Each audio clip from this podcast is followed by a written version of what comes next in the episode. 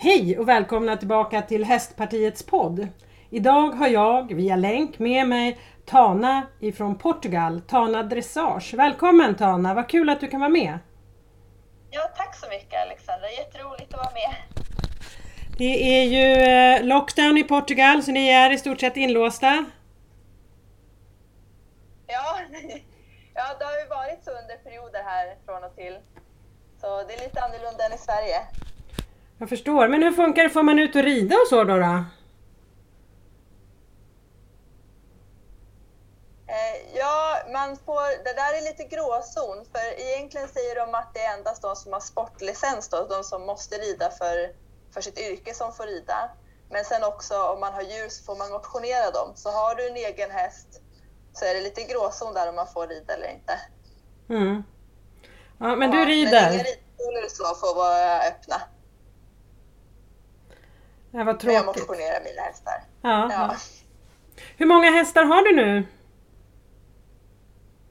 Jag har två hästar med mig här nere. Berätta om dem. Ja, jag har en eh, Oldenburgare, ett sto, en stor svart efter Sedona Haldeniro. Eh, ja, väldigt modern typ. Eh, sen har jag en, eh, en rolig liten ponny. Hon är 16 och hon har varit med mig sen jag... Hon var så liten så jag kunde lyfta upp henne, så henne har jag haft sen föl. Eh, hon är en, en väldigt rolig korsning av lippisaner, travare och russ. Och hon är den som jag har haft med mig under alla år med utbildningar. Det har varit väldigt roligt att utveckla en häst som inte haft de bästa förutsättningarna för dressyr. Men nu kan hon det mesta? Ja, ja. Hon är, det är en väldigt smart individ, även om kroppen inte alltid är så lätt för henne. Men hon är väldigt rolig att jobba med. Du, jag såg ju en film på dig som du har på din Facebook. Som, ehm, där du eh, longerar henne, eller vad man ska säga. Ni jobbar eh, på, från marken och du får henne i skritt och trav och galopp och hon gör som du säger. Alltså hur får du till det? Eh, ja, du menar när jag jobbar henne helt löst? Ja. Ja, jo, först och främst så gäller det att ha en otroligt god kommunikation med sin häst. Eh, jag har ett, ett kommunikationssystem med mina hästar där jag kan berätta eh, nu jag om någonting, kan du försöka fundera ut vad det är? Och sen har jag nu gör du rätt, nu tänker du åt rätt håll eller wow, det där var mycket, mycket bättre än vad jag förväntade mig. Eller oj, nu, nu blir det kallt, nu tänker du inte alls åt rätt håll, skulle du kunna pröva en annan linje? Och genom att kommunicera så, så kan jag försöka få fram olika beteenden. Sen har jag också om hästen bjuder på något beteende så kan jag berätta wow, den här idén tycker jag jättemycket om. Är det någonting du skulle kunna ge mig mer av? Och så, på så sätt kan jag forma olika beteenden. Sen kan man ju koppla samman det här allting med, med all annan hantering så att det är inte bara någonting jag gör när jag jobbar fri utan försöker jobba likadant när jag rider eller när jag logerar med utrustning eller jobbar vid hand eller leder in och ut från hagen. Så att det är samma språk jag pratar med hästen hela tiden. Hur kom du på det här då? Eh, jag har alltid varit intresserad av kommunikation med hästarna. Eh, jag tror många av oss rider av olika anledningar och för mig har det alltid varit att jag försöker kommunicera med ett djur samma språk med. Eh, och sen av att se olika, olika ryttare och tränare som utvecklar sina hästar och den relationen på olika sätt har ju inspirerat mig väldigt mycket. Eh, Philip Kali är någon som jag är väldigt inspirerad av och hans fru Bea Borell. Bea Borell var en av de första som utvecklade eh, trickträning med häst som, och gjorde det lite mera, vad ska man säga, tillgängligt för allmänheten, inte bara för de som gick på cirkus. Mm. Eh, hon gav ut flera böcker om cirkusträning och trickträning av hästar. Sen finns det otroligt många duktiga instruktörer nu som verkligen undervisar helt fritt, bara med kroppsspråk och kommunikation. Jag vet att någon som var väldigt tidig med det var ju eh, Hemfling som var populär i Sverige för många år sedan. Nu finns det otroligt många olika tränare med olika filosofier. Eh, till exempel de som vi har sett till och med på, på Friends Arena som jobbar med hästarna. Även många, många, många hästar helt lösa och bara jobbar med sitt kroppsspråk och kommunikation. Jag tycker det är väldigt ballt. Vad häftigt. Du, du sprakar lite när vi pratar, eh, så jag vet inte om det är något som, som du prasslar med eller eh, rör. Så att det inte stör de som lyssnar, för det här är ju så intressant att höra.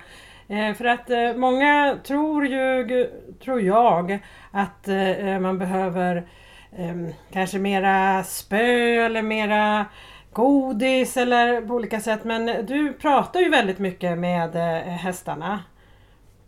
Har du ja. olika kommandon då för olika saker? Ja, ja, precis. Jag lär in olika ljud precis som, som man pratar med sin hund.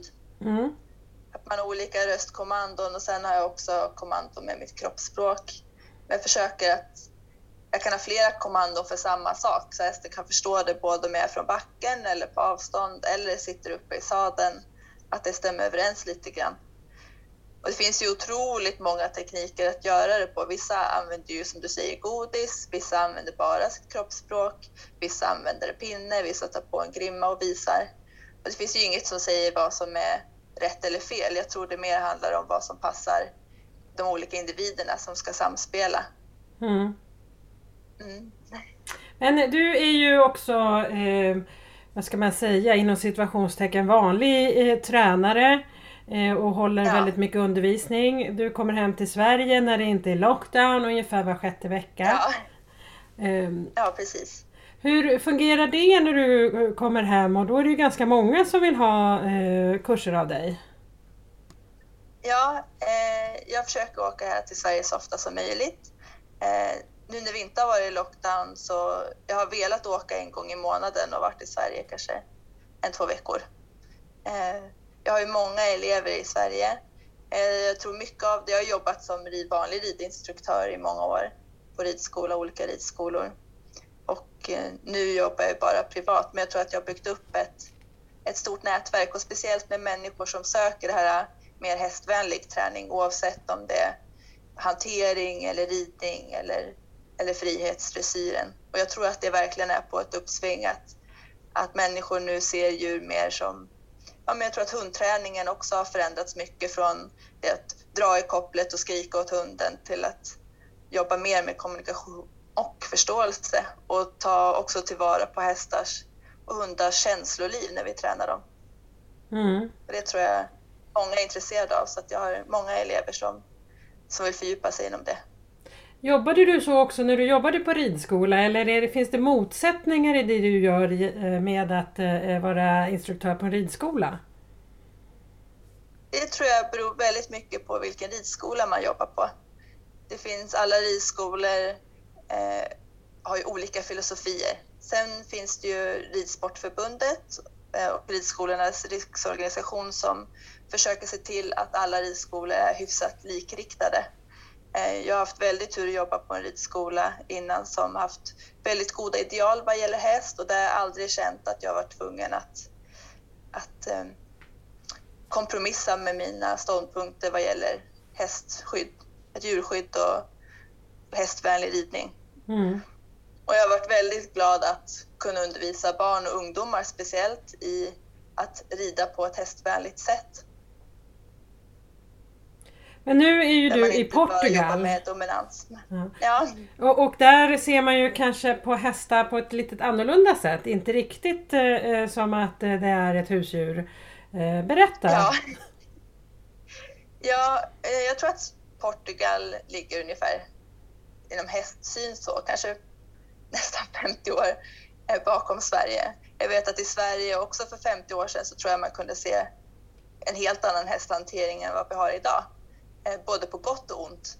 Ehm, eh, vi var ju, hästarna var ju någonting från det militära vi använde, speciellt ridskolor.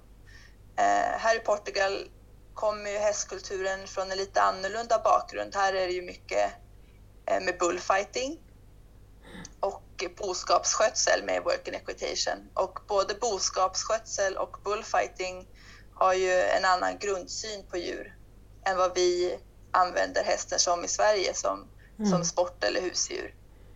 Och det, ja, det fläckar ju kulturen väldigt mycket hur man ser på hästar. Hur man tränar dem. Mm, mm. Tycker de att du är lite konstig då när du har ett annorlunda synsätt? ja.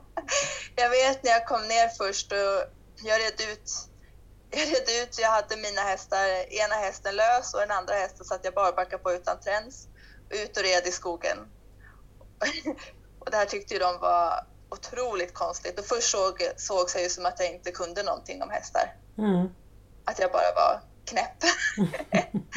Men jag tror ett tag, efter ett tag att de insåg att det var inte bara lek som en unge ute i skogen utan jag kunde ju faktiskt utföra alla dressyrrörelser som de gjorde också även fast jag red barbacka utan träns. Mm. Mm. Nu, eh, hur hamnade du i Portugal då? Eh, ja, jag stod och undervisade i ridhuset hemma i Sverige och jag, jag nästan grät innan jag gick ner i ridhuset på vintern för jag var så kall innan jag ens skulle gå ner och undervisa. Och så visste jag att jag skulle stå där och undervisa i kylan i ridhusen i timmar. Och då tänkte jag verkligen för mig själv att det måste finnas ett lättare liv än så här. Om man vill jobba med hästar speciellt. Eh, så då, då bara tänkte jag mig att det skulle vara kul i alla fall att pröva och bo någonstans där det var lite varmare och se hur det var att jobba med hästar. Mm. I Portugal eller Spanien eller lite mer i södra Europa. Och sen kom den här möjligheten upp eh, med några, ja det var några elever som hade varit nere och tränat i Portugal och det var en anläggning där som sökte en dressyrinstruktör. Så de fixade den kontakten och bad och de hörde av sig till mig och erbjöd mig ett jobb. Det är fantastiskt. Sen gillade, ja, sen gillade inte jag det jobbet på grund av hur hästsynen var då. Mm. Så nu jobbar jag bara själv. Okay. Du har ju startat eget företag, ja. Tana Dressage. Ja. Eh, ja. Nu är ju du i lockdown men eh, undervisar du via något eh, digitalt forum så du ändå kan eh, ha några lektioner? Uh, nej, jag har några elever som skickar mig lite filmer och som ibland bara, men gud kan du titta på det här så tar de upp Messenger eller någonting och filmar. Det finns ju olika plattformar för att undervisa online men jag har inte hittat någon som jag, som jag trivs med eller som fungerar tekniskt. Mm. Det är inte, ja men som du hör också, vi har inte bästa mottagningen på internet här nere heller.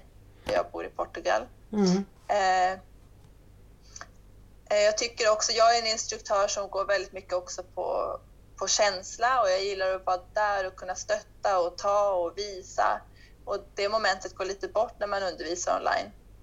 Eh, jag kan säkert utveckla den sidan men jag tycker att det är knepigt. Mm, jag förstår. Ja. Men om du nu eh, kommer till ett ekipage, ett nytt ekipage för dig och du ser att det där är inte riktigt rätt. Eh, vad liksom, hur gör du då? Du menar rätt i deras kommunikation eller matchningen med dem som ekipage? Med deras kommunikation, att ryttaren inte får eh, hästen att göra det man har tänkt sig eller att eh, hästen ser inte ut att trivas där. Ja, att de ja. stretar åt olika håll. Ja, och det, det är väldigt vanligt. Mycket av, av problemen i ridningen uppkommer ju av misskommunikation. Mm. Eh, och där det gäller att försöka att få ryttaren att förstå hur det är att vara häst. Mm. Så hästen har ju inte en, en, röst utan det vi märker är att den, den stannar eller den protesterar eller den försöker springa ifrån och så blir ryttaren frustrerad och så ja, blir det ännu värre. Mm. Så då försöker jag få, få människan att tänka sig in i hur skulle du reagera om du var häst i den här sekunden? Mm. Och försöka tänka på att hästar är inte maskiner och de fungerar inte likadant varje häst. Så även om din förra häst eller hästen du red på ridskolan svarar när du gör på det här sättet betyder det inte att din häst förstår det. Och uttrycker den missnöje och förvirring så är det ju tydligt att den inte förstår och då får man försöka ändra sin eh, approach till hästen. Och sen är det mitt jobb då att försöka få motivera eleven till att ändra sin approach och att hitta en approach som fungerar, som hästen förstår, så att de kan samspela. Mm. Mm. Det, möter du ofta då eh, att eleverna blir ledsna eller att man inte tror på sig själv? Eh, att man känner att de har gjort fel eller hur bemöter... Ja, hur... det här är ju också, vi måste vara otroligt ödmjuka när vi jobbar med ett levande djur. Och vi måste lägga egot åt sidan.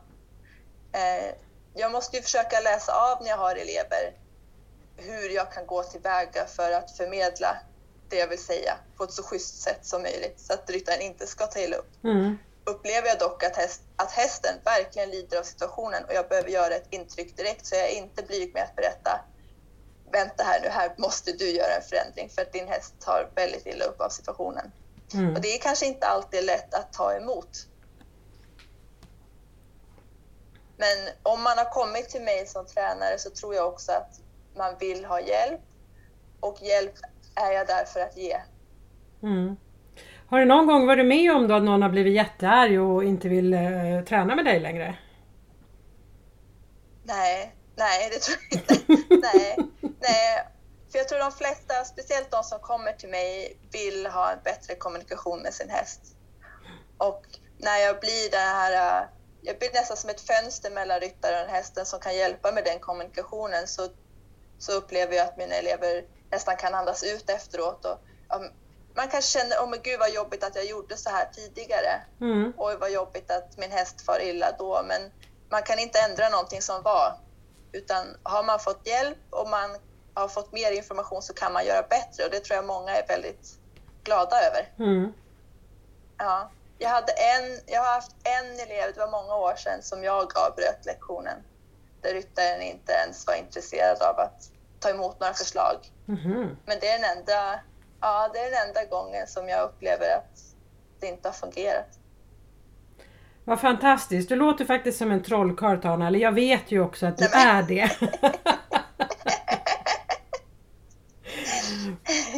men du, jag tänker, du har ju startat ett företag, Tana Dressage. Är det mm. ett svenskt företag? Ja, precis. Mm. Jag spenderar ju så mycket tid i Sverige så jag anser mig bara pendlande fram och tillbaka. Mm. Hur var det att starta jag företag då? Var det svårt? Eh, nej, mm.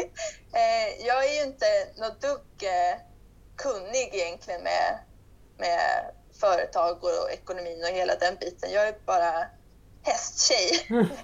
Men det var otroligt, otroligt lätt. Jag hade en, an, en annan kollega som också jobbar med hästar som sa jag har en revisor, hon är bra.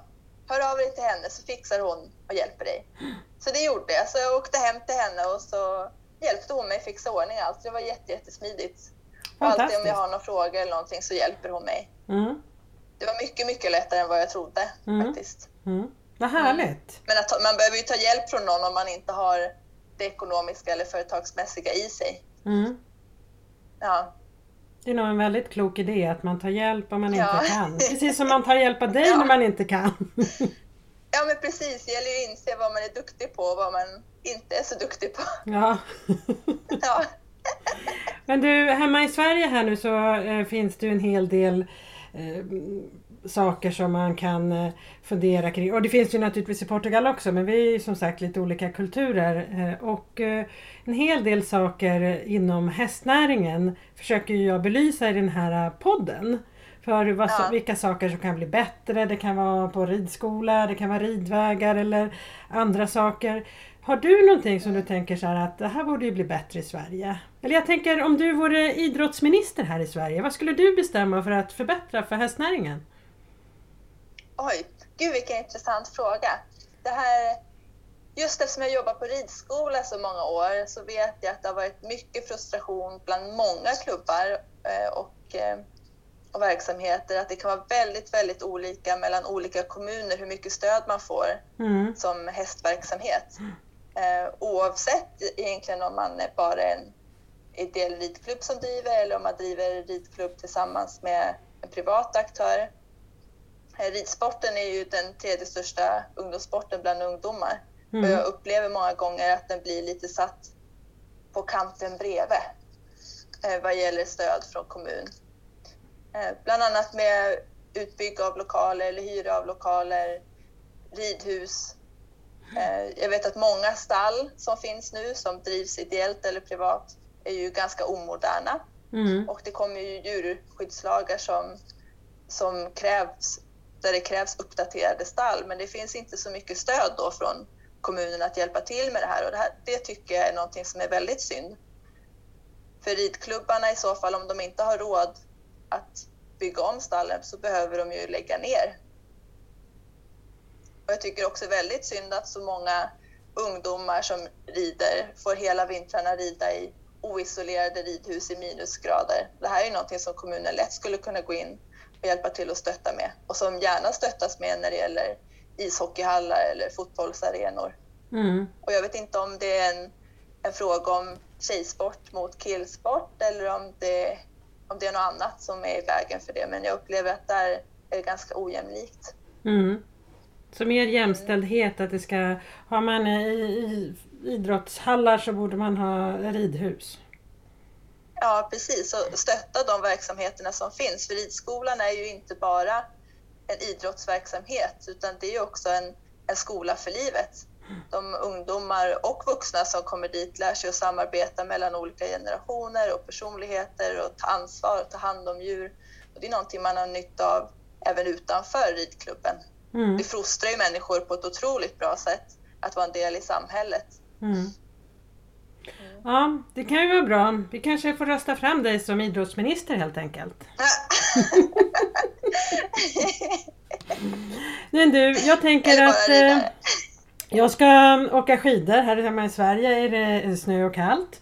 Så att jag ska åka lite ja. skidor idag. Vad ska du göra?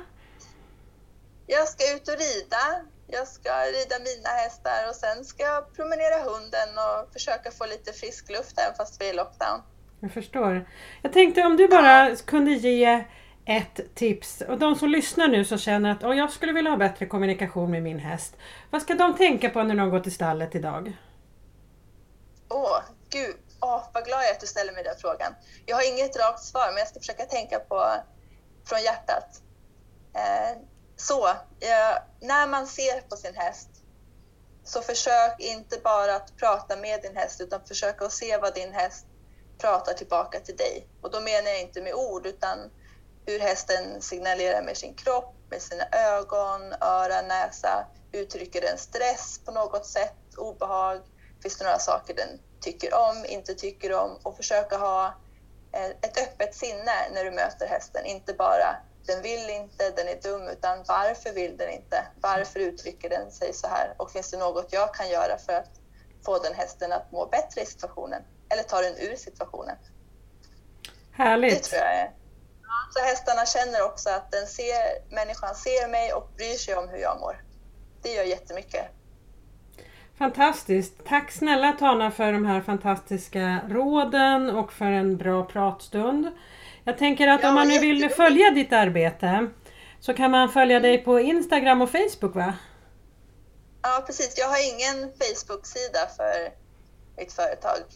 Eh, Tana Eriksson heter jag på Facebook, men på min Instagram försöker jag att vara aktiv med det jag gör. Mm. Tana Dressage på Instagram. Mm. Mm. Härligt! Stort tack för att vi fick prata med dig. Och till er andra så kommer jag berätta att det kommer komma två andra tränare här de två kommande veckorna. Så att vi får höra lite mer om hur man bäst eh, tränar sin häst. Man kanske gör det på lite olika sätt. Så tack för idag och hej då! Super! Tack!